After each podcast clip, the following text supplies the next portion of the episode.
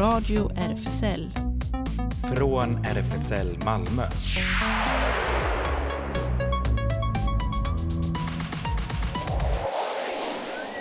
Välkommen till Radio RFSL, Riksförbundet för homosexuella, bisexuella, transpersoner, kveras och intersexpersoners rättigheter. Och eh, Jonas heter jag här bakom mikrofonen och eh, sitter bakom teknikbordet, tittar rakt in i studion som är, ja det är fullt hus. Ganska välfylld idag. Klas. Ja, jag har suttit ensam många. Ellen sitter här. Ja, jag är tillbaka. Sidan. Det ja. känns nästan lite ovant. Just det. Hur gör man när man pratar i den mikrofonen? Ja, oj. Ja. Och sen har vi en gäst. Ja. Välkommen. Soledad Solle ja, kallas precis. du. Ja, kallas Solle. Ja.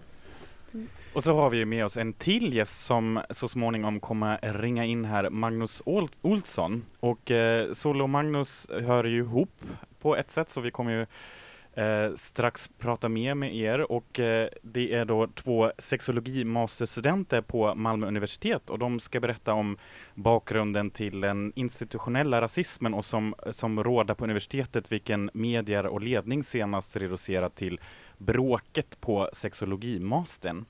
Men inte bara det, vi har också en bokrecension i bagaget idag. Jajamän, Odins eld av Elvira Birgitta Holm ska jag prata om. Väl läsvärd bok. Och sen har jag varit på öppningsfilmen av eh, på Malmö Arab Filmfestival, MAF, The Man Who Sold His Skin. Det är en väldigt spännande film. Alltså varför kan de inte... Det är en tunisisk film som får en engelsk titel, som behåller denna engelska titel i Sverige. Kan de inte kalla den mannen som sålde sin hud? Ja, den finns, det finns en fransk titel faktiskt. Aha. Så det, ja, jag vet inte, den har kanske inte hunnit så långt, men det är snart premiär även på de andra biograferna också för den.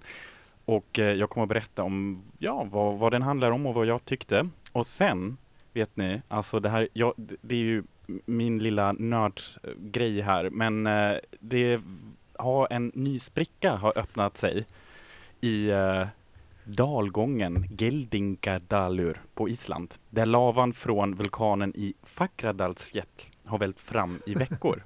Vi såg det ja. igår på tv. Ja. Såg du det? Eller? På tv, det var på nyheterna. Ja, just mm. det. Ja, ja jag har eh, konstant, det, det, det har börjat en sån slags vulkanturism där mm. eh, på Island. Det är ganska häftigt. Massor och de... folk står tätt intill bara och ja. grillar korv. ja, det är väl, väldigt spännande. Men låt oss börja med lite musik. Jessie Ware, What's your pleasure?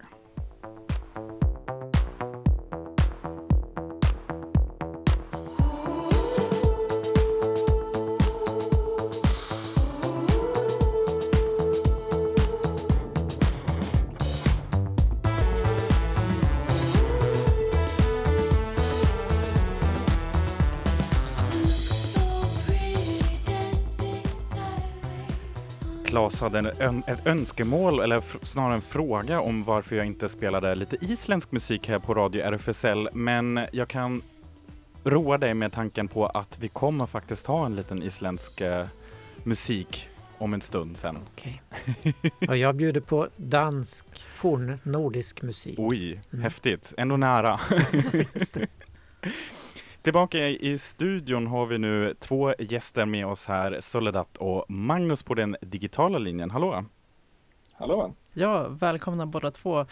Jag tänkte att ni kan bara börja med att ge lite bakgrund helt enkelt eh, till eh, den institutionella rasismen på universitetet eh, som har fått ja, någonting som har varit symptomatiskt för det har fått väldigt mycket mer uppmärksamhet än kanske bakgrunden. Så att, eh, om ni vill börja med att ge bakgrunden.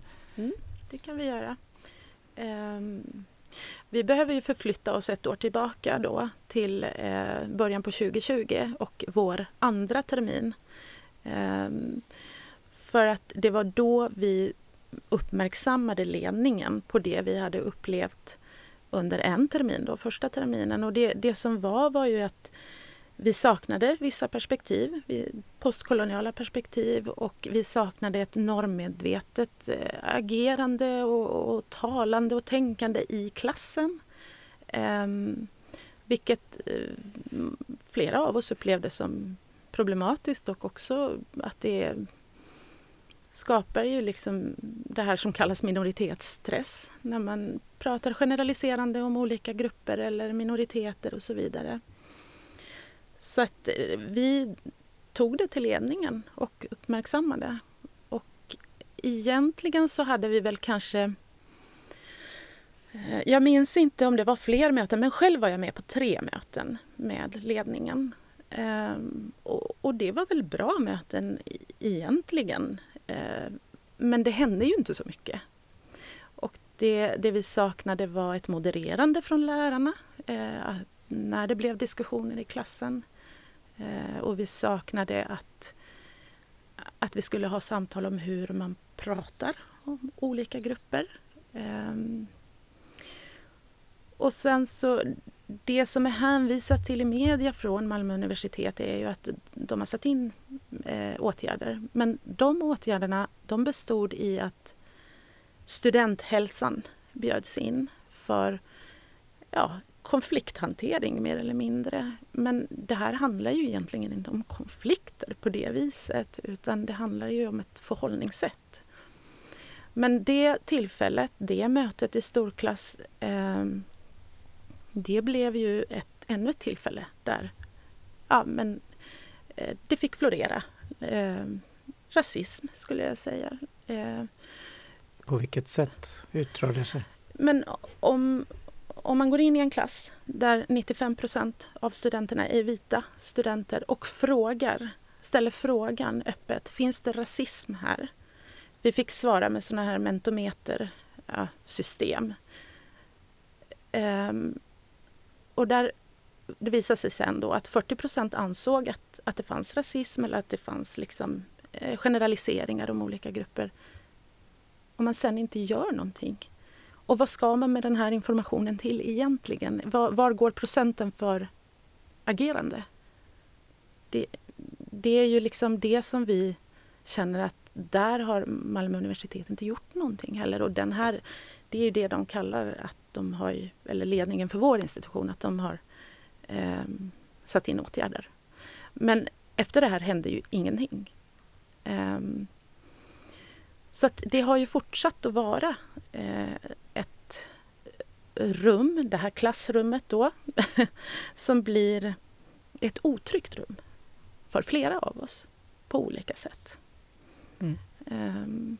Uh, Magnus, jag har förstått att du är också lärare och uh, ja. du har uh, även ett pedagogiskt synsätt på det här.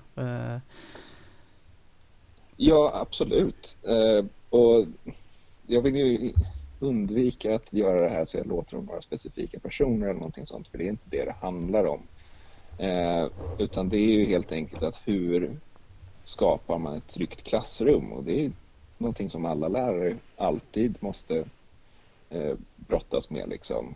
Men det finns ju vissa sätt som är mer effektiva än andra och när någon upplever att så, okay, men nu finns det ett problem här då får man ju ta ett steg tillbaks och så får man säga okej, okay, det ska det inte vara, då slutar man med de grejerna. Och sen så för man det vidare och så kan man ju ha en större diskussion med, eh, med dels med klassen men också naturligtvis med sina kollegor att oj, nu blev det någonting fel, vad har ni för tankar och så vidare.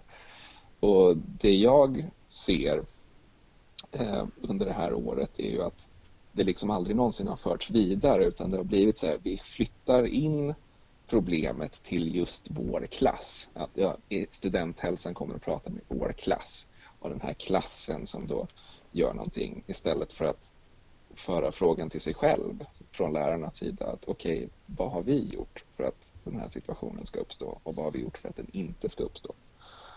Ehm, det är ju väldigt intressant också med tanke på just det ni har berättat nu, att det finns en sån bakgrund med tanke på att media kanske nu den senaste tiden har plockat upp eh, mest enstaka händ eller en enstaka händelse här. Um, vi ska strax prata vidare om uh, det här och hur ni tänker kring det. Men uh, Solly, du har tagit med dig en liten önskelåt hit mm. till radion också. Just det. Vill du berätta om den? Ja, det är Timbuktus Svärta som jag har valt. Eh, tycker den passar bra.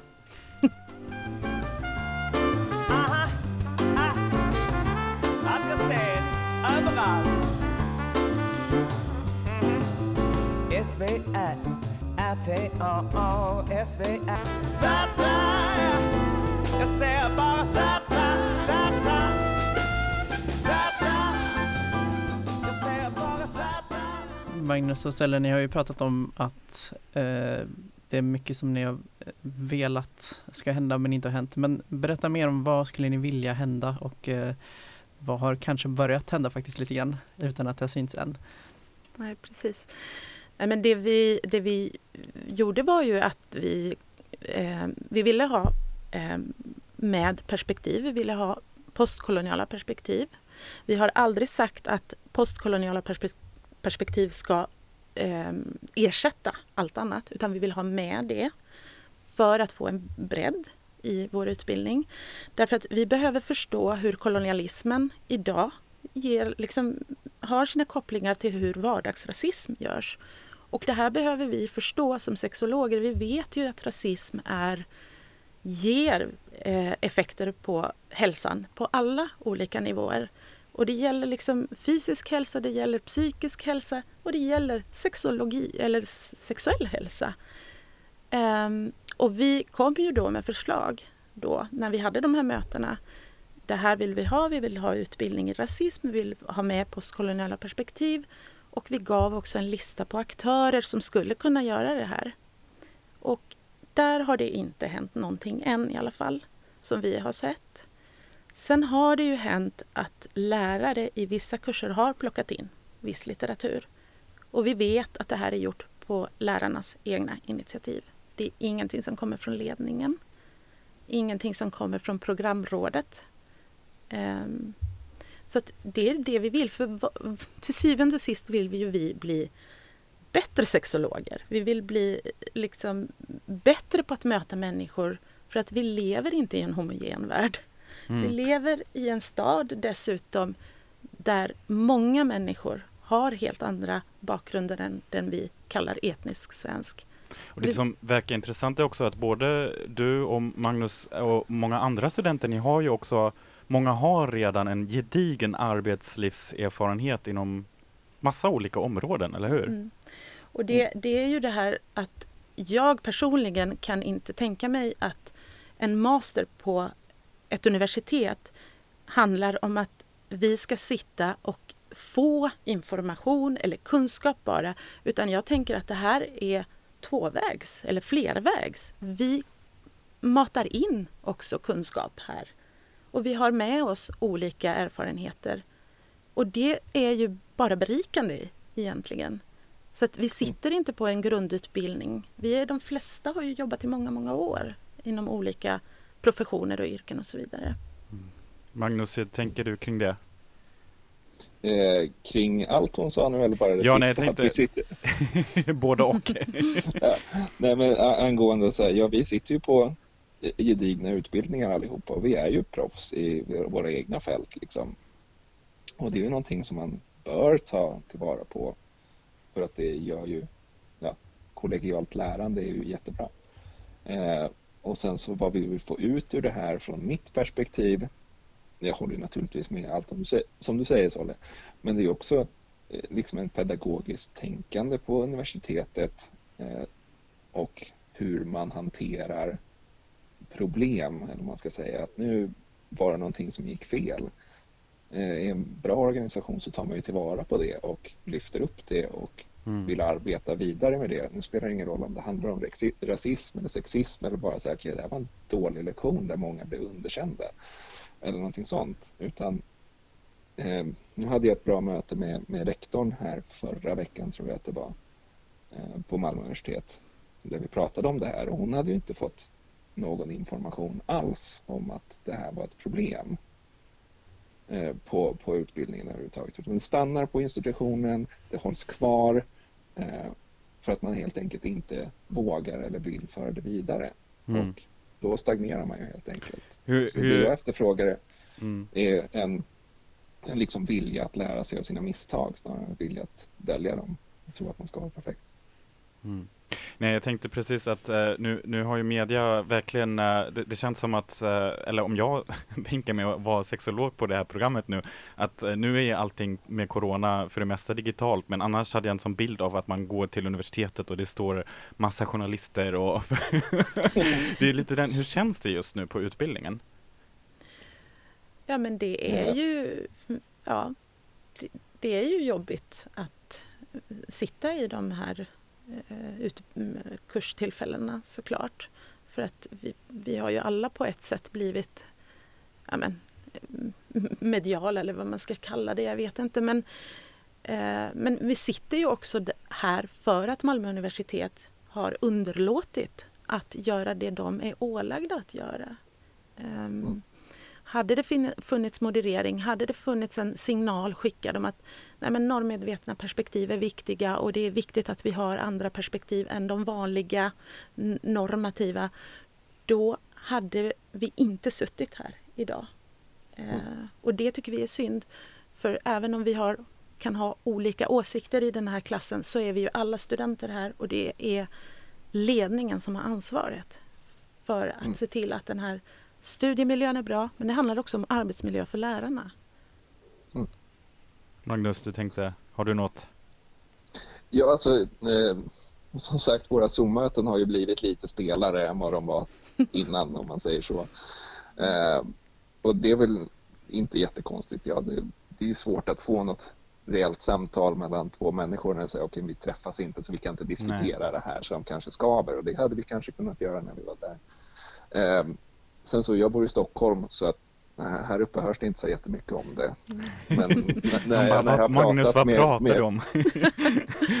ja. Eh, när jag pratat med, med bekanta från Malmö så är det första reaktionen från dem varit så här att ja, eh, vet du någonting mer om, om sexologerna? Är du inblandad i det här? Alltså, eh, ja, okej, okay, ja, mm, det kanske inte har gett en jättebra bild av, i media av det här. Mm.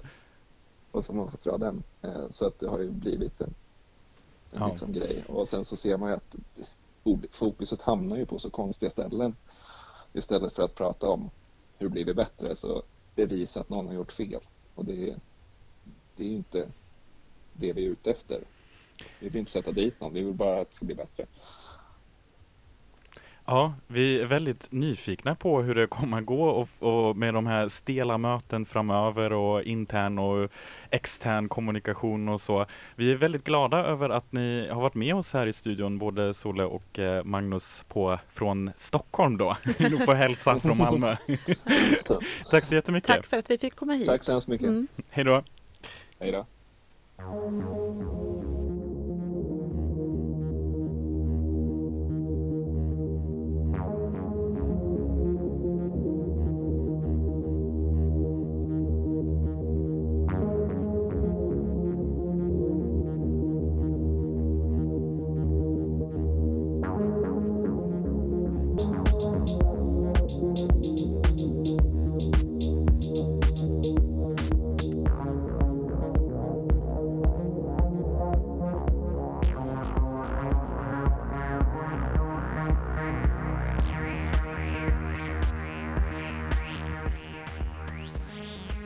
Vulkanmusik kanske. Det här är Guskus från Island med Fuel. Man ett, eh, hör hur det bubblar. Eller hur? Det är ett gammalt eh, elektroband eh, som har varit aktivt sedan 90-talet och de bubblar fortfarande, lika som vulkanerna så att säga.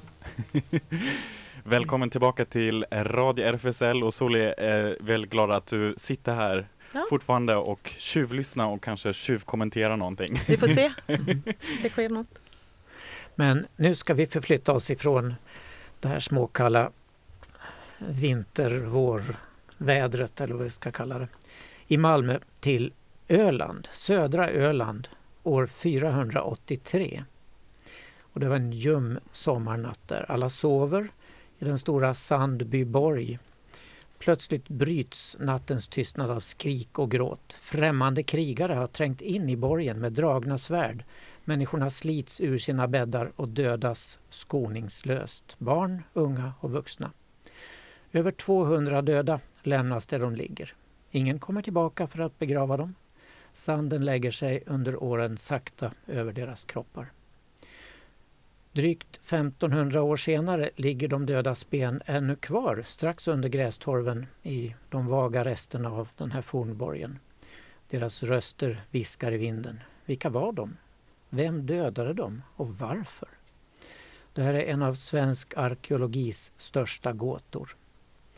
Med boken Odins eld vill författaren Elvira Birgitta Holm ge ett av flera tänkbara svar. Genom den unga Joruns ögon skildras livet på Öland under folkvandringstiden och de händelser som ledde fram till massakern i Sandbyborg i slutet av 400-talet efter Kristus. Romanen ger liv åt ett klassamhälle där stormän upprätthåller sin makt och sin heder med hjälp av generösa gåvor till sina följesmän, liksom en hederskultur som håller både kvinnor, barn och män i ett järngrepp. I denna manliga värld av guld och våld försöker Jorun finna sin egen plats med hjälp av oväntade krafter. Massakern i Sandbyborg i slutet på 400-talet upptäcktes 2010 efter larm om att plundrare grävt i borgen. Snabbt fattade man beslut om en arkeologisk utgrävning och man fann inte bara vackra och dyrbara smycken, de fann också oväntat många människoben med spår av dödligt våld. De bedömde, bedömde att inne i borgen fanns benrester efter minst 200 döda i alla åldrar, från spädbarn till vuxna och även husdjur. Efter överfallet glömdes det mer eller mindre bort. Det kanske förträngdes under de ett och ett halvt årtusenden som har gått sedan dess. Men runt platsen finns en känsla av att något kusligt har hänt där. Lokalbefolkningen har undvikit borgen långt fram i modern tid och fortfarande idag är det en starkt berörande plats. De döda som ligger där verkar inte vilja bli glömda. Odins eld ger dessa döda en röst. Genom flickan Jorun får vi uppleva livet på Öland under den här tiden och händelserna som leder fram till massakern. Jorun är dotter till en storman och en völva, alltså en spåkvinna eller shaman. Och berättelsen följer henne och hennes tvillingbror Joar från späda år och in i tonåren. Även Jorun visar sig ha siarkrafter som sin mor men hellre än att bli völva vill hon bli sköldmö och få ett eget svärd. Helst ett lika vackert som hennes fars svärd, det som bär namnet Odins eld och lyser av guld och ädelstenar. Ja, helst vill hon bli man och kunna frige och sen gifta sig med trälflickan Sol, hon som är lika ljus som sitt namn. Jorden dras till sol som malen dras till ljuset. Berättelsen om Jorun och hennes familj skildrar ett brutalt klansamhälle. Trälar sköter gårdarna medan hövdingarna skaffar guld genom plundringståg eller som legosoldater i den romerska armén. Men det romerska väldet vacklar under trycket från hunner och germanska stammar och stormännen får söka andra sätt att komma över sitt guld i konkurrens med övriga hövdingar på ön och bortanför. Konflikterna mellan öns storgårdar växer. I den här manliga världen av guld och våld försöker Jorun liksom andra kvinnor finna en egen plats. Hon anar kärlekens styrka men skräms av sina krafter. Elvira Birgitta skildrar det här med ett lysande, målande och skrämmande språk. Ibland blir det nästan för mycket våld och blod. Men det varvas med poetiska och varma skildringar av natur, människor och ibland kärlek, även samkönad kärlek. Det är en ungdomsbok men den passar alla åldrar. Den är utgiven av förlaget Historiska Media i Lund och är alldeles färsk. På sin egen mycket trevliga webbplats som heter elvirabirgitta.se säger författaren så här. Mina böcker handlar om vänskap, sorg, kärlek, sex, homosexualitet, fantasy och i den August-nominerade Månskensvargen som är första delen i vargtrilogin som har en egen webbplats faktiskt. Där handlar det även om medeltiden och digerdöden. Och då kan vi höra en sång som heter Odin.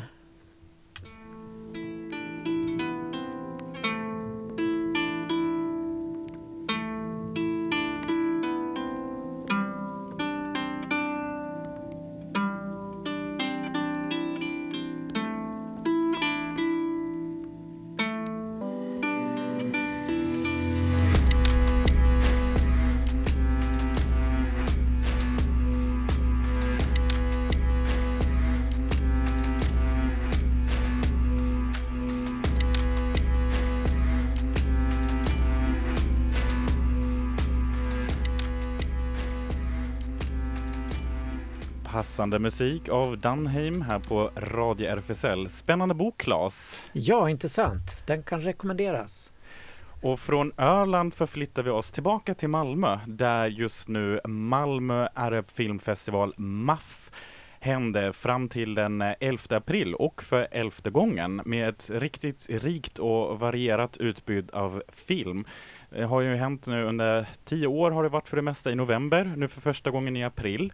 Eh, digitalt också, men jag har varit på öppningsfilmen eh, igår på Panora. De visade filmen i alla tre salar samtidigt, så då hade man åtta gånger tre. Men i min sal där jag satt, det var väl faktiskt bara tre, så det var några stycken som inte dök upp.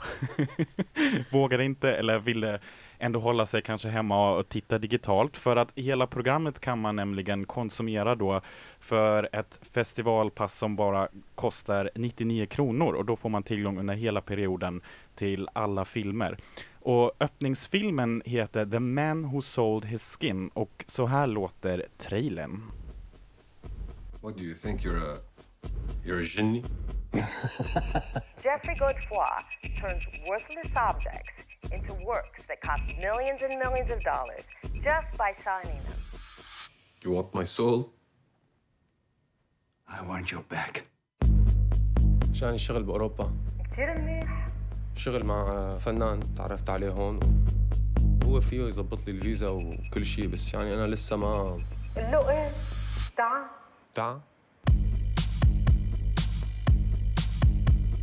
With my latest work, I am exploring a new realm. Now he can travel around the world. عموما بس كنت أقول لك إنه وصلت This work of art bears the signature of, the, devil. En kanonstart för den arabiska filmfestivalen, det kallar Annika Gustafsson som skrev eh, också en recension på Sydsvenskan och eh, ja, man kan väl kalla den här filmen som också Oscars nominerat som en omskakande berättelse om Europas flyktingpolitik. Um, det är en tunisisk eh, regissör här och den uh, filmen efter det samhällskritiska dramat Skönheten och odjuret från 2017 är nu den tunisiska filmaren eh, Kauthar Ben Hania tillbaka med, en, med den här berättelsen där Europas flyktingpolitik ifrågasätts och mixas med skarp satirisk kritik av den internationella konstvärlden. Och den här huvudpersonen Sam, han utsätter sig själv för en livsfara då han under arabiska våren i Syrien 2011 kritiserar Assad-regimen och tvingas fly till Libanon.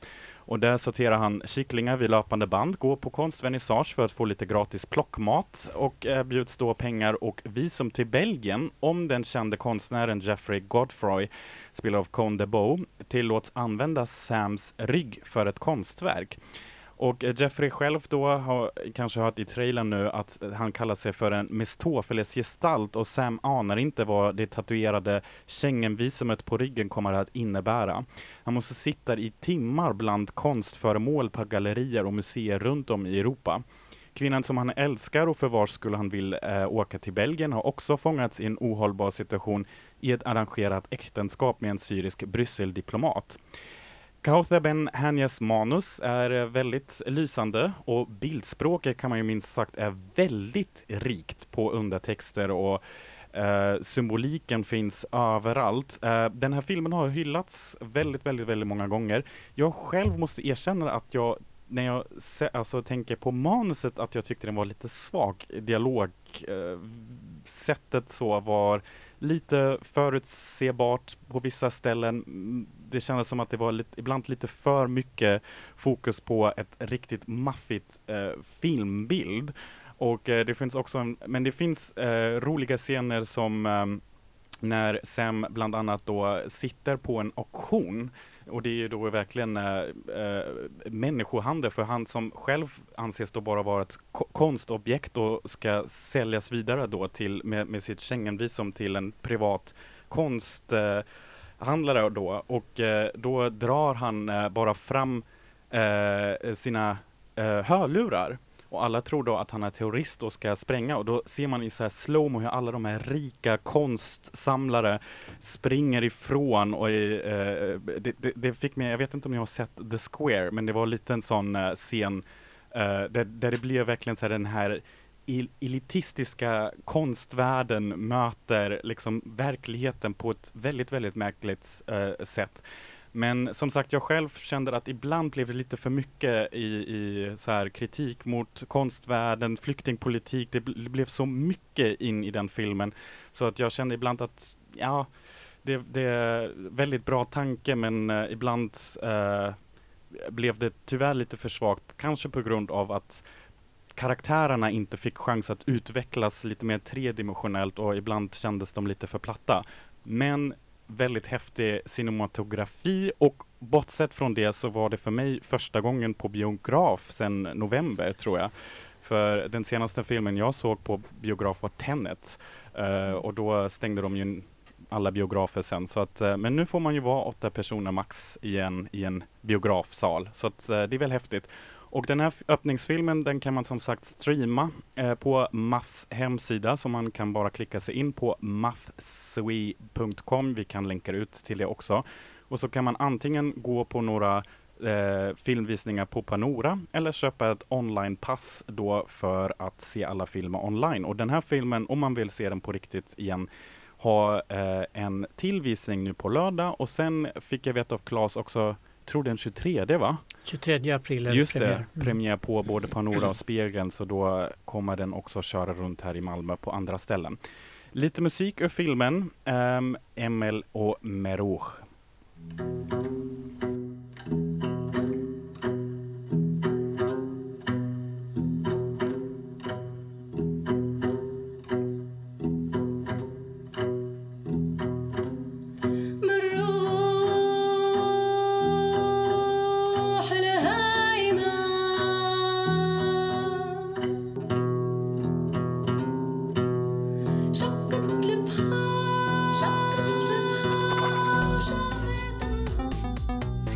RFSL Nyheter. Ja, vi flyttar oss tillbaks till Malmö från denna utflykt i Arabiska skönsång. Årets båda jätteevenemang i Malmö, World Pride och Malmöfestivalen, flyttar ut från Gustav Adolfs torg och Stortorget ut till stans parker. Det känns jätteskönt, säger World Pride-generalen Anna Tenfelt till Sydsvenskan. Beslutet togs gemensamt av de båda organisationerna och kom efter stor pandemivånda. Men det är välkommet, säger Anna. Anledningen är att vi vill kunna skala upp eller ner för att på så sätt möta de eventuella restriktioner som finns i augusti.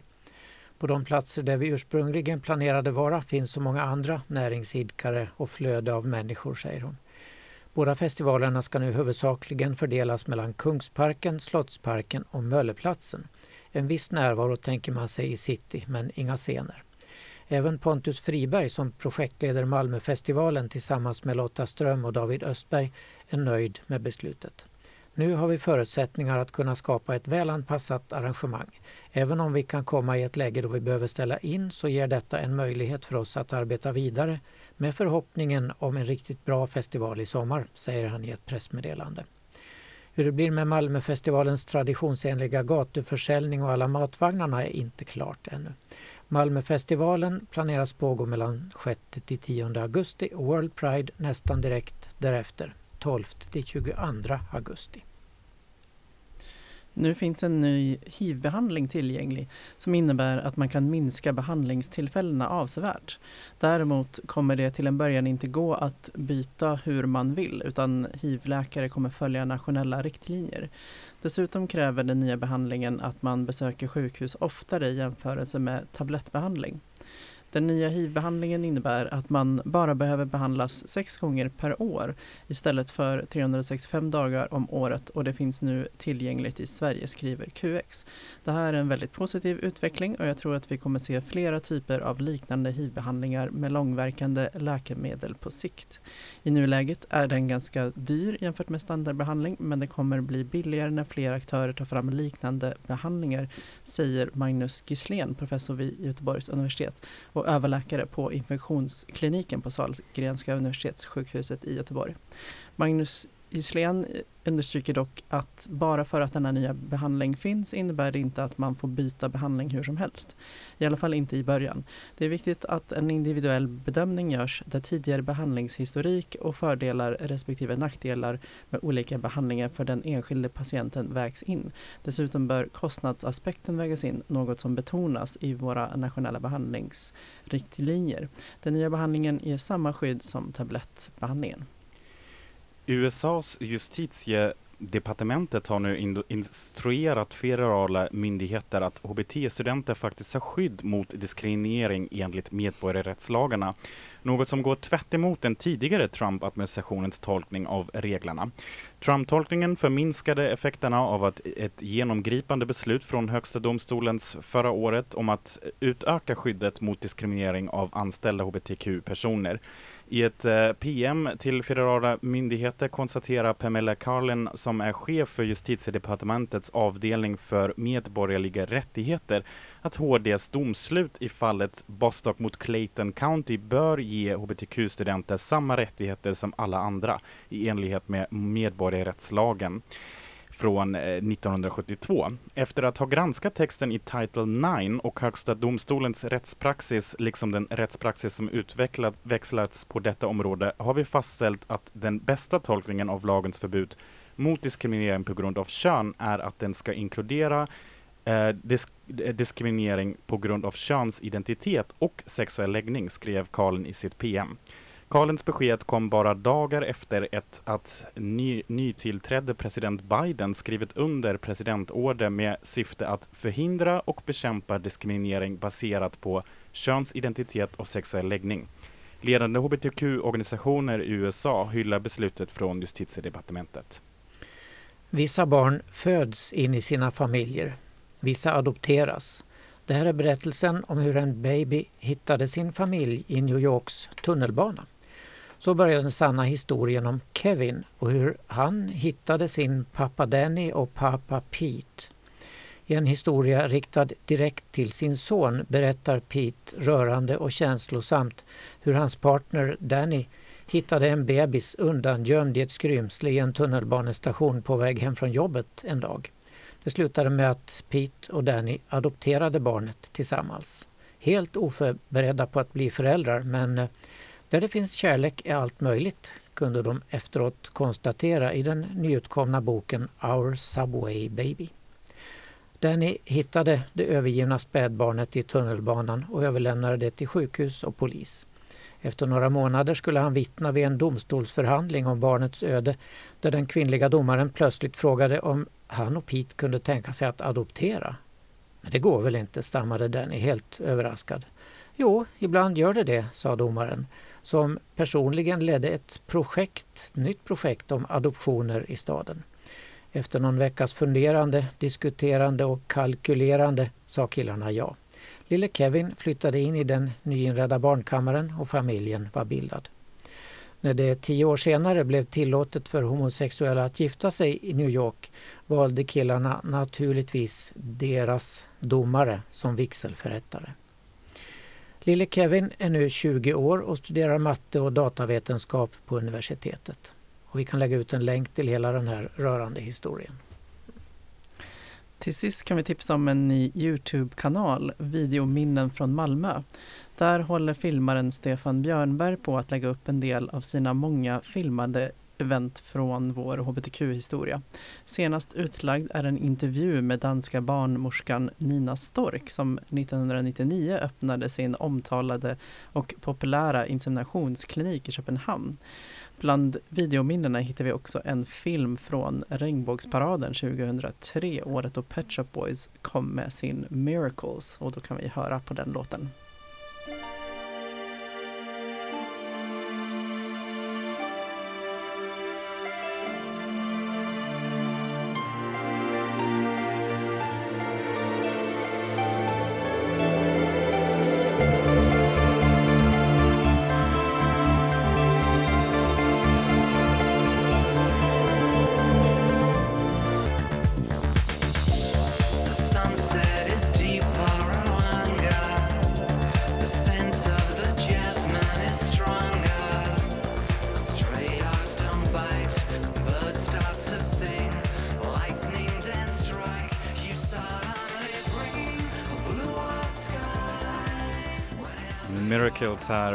Radio RFSL. Den passar ju också bra till den eh, Subway-historien, Claes. Det var ju Visst. också lite av ett mirakel kanske man kan säga, Ja, eller hur? verkligen.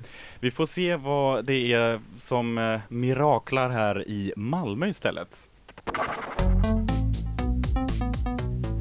Radio RFSL. Det händer. Radio RFSL är en del av RFSL Malmö som har sin lokal på Stora Nygatan 18 och eh, Facebook-sidan som man kan hålla sig till och Instagram också för alla uppdateringar. Corona är ju inget nytt längre så man får väl lägga till att verksamheten i de väldigt fina lokalerna är begränsat men man har öppet på tisdagar och torsdagar mellan 13 och 15 för max 8 personer.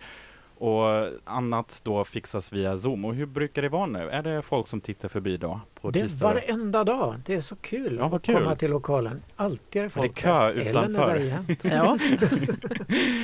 Så kolla in Facebook, Insta, Twitter även eller malmo.rfsl.se.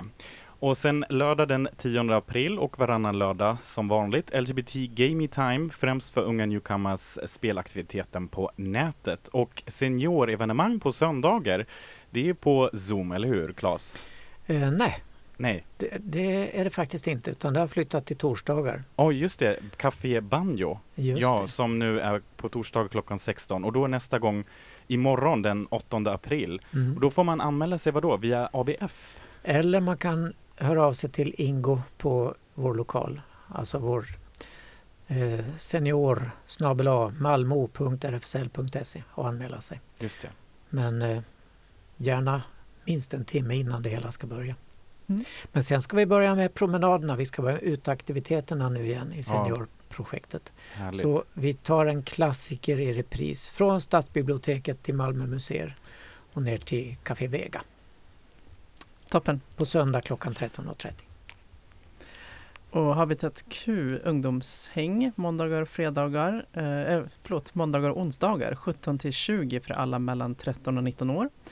Eh, onsdagar är det promenad och parkfika. På måndagar digitala häng eh, som man kan kolla på Facebook eller Insta. Snabbel A, habitat understreck Q och DMa för att få veta var man träffas.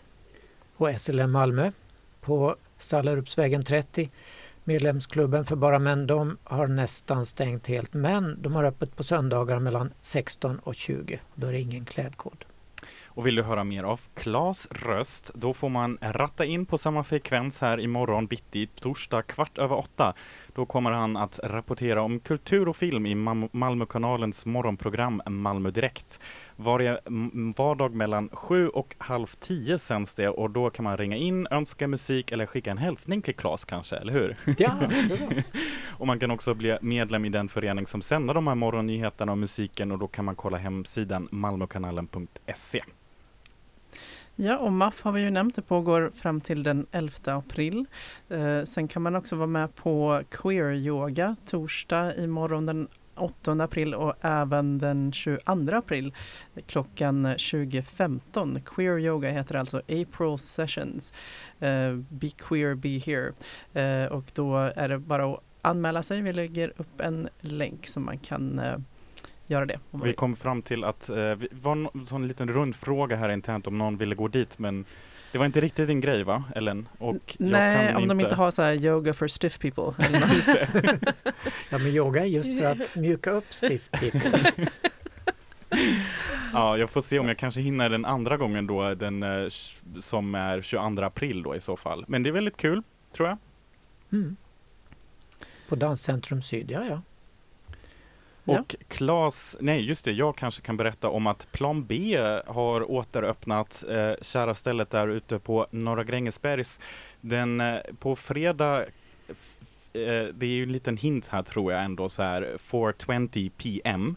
Ehm, och då eh, har de bar och öppen och jag tror att det är kanske någon DJ som spelar och så, så att man kan bara klicka in sig på deras event på Facebook och eh, kika förbi där. Jag tror att de har en ganska så stor uteservering nu, så vi får hoppas på vädret och så. Det är, just nu så regnar och snör och allting samtidigt. Eh, och solen skiner också lite grann och så, eller hur? Aprilväder med andra ord. Klassiskt.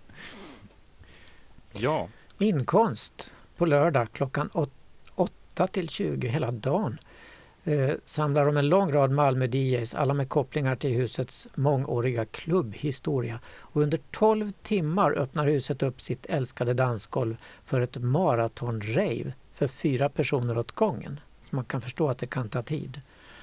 Jaha, en raid i covid-tider, ja. Men, eh, Men då kan man, och då har vi också några eh, namn här som eh, är med i kollektivet Fingerlicken som har ju presenterat sina låtar här på Radio RFSL också, bland annat Ekalev Fromina, Sedus och DJ VV.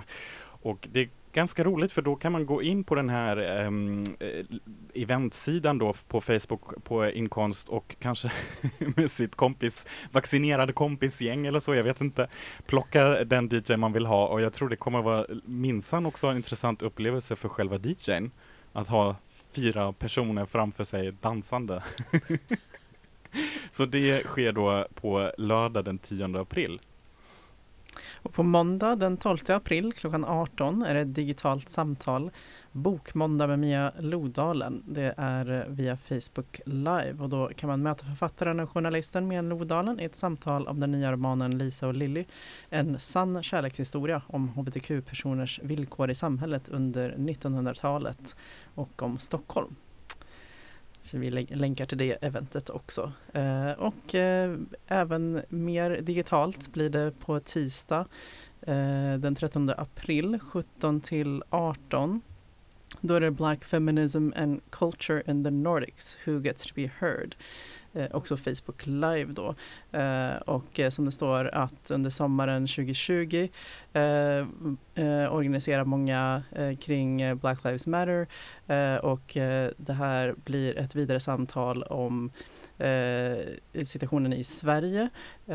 flera panelister deltar, bland annat eh, Jasmine, Jasmine Kelly som är baserad i, i Malmö här. Och även eh, Judith Kiros som är en svensk poet och eh, akademiker, journalist.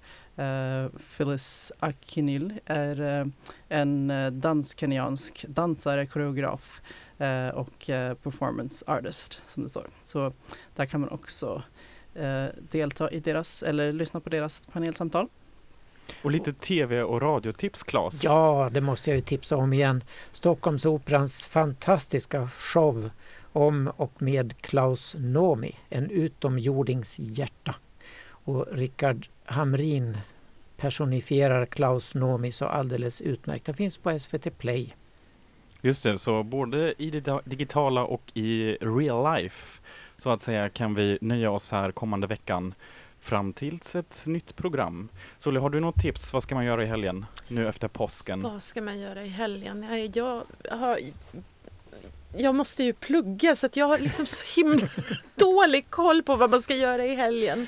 Ja. Men man ska njuta av vädret om det går i alla Eller fall. Hur? Ja. Tack igen för att du har varit med oss, eh, sexologi masterstudent på Malmö universitet. Och nu ska vi avsluta med att jag ligger alltid efter i tv-serierna så jag har börjat kolla nu på Pose. Jag vet inte om det är någon, ja, eller nickar. Ja. Okej, okay. ja, spännande. Jo, borde titta på det, Claes. Väldigt kul. Eh, New York på 80-talet, eh, mycket Vogue, Vogue, Vogue och en mm. fantastisk spellista. Så jag tänkte passande låt On the Radio av Donna Summer få avsluta här. Tack för idag, vi hörs nästa vecka igen. Hej då. Hej då.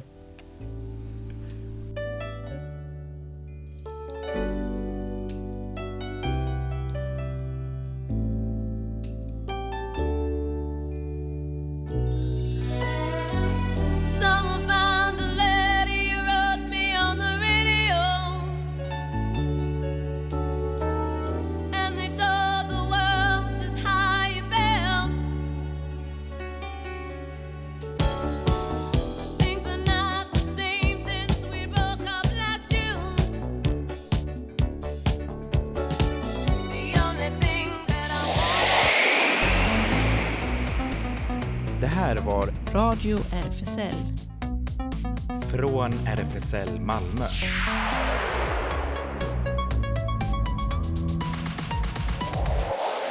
Kolla in Radio RFSL på Instagram och Facebook för mer information.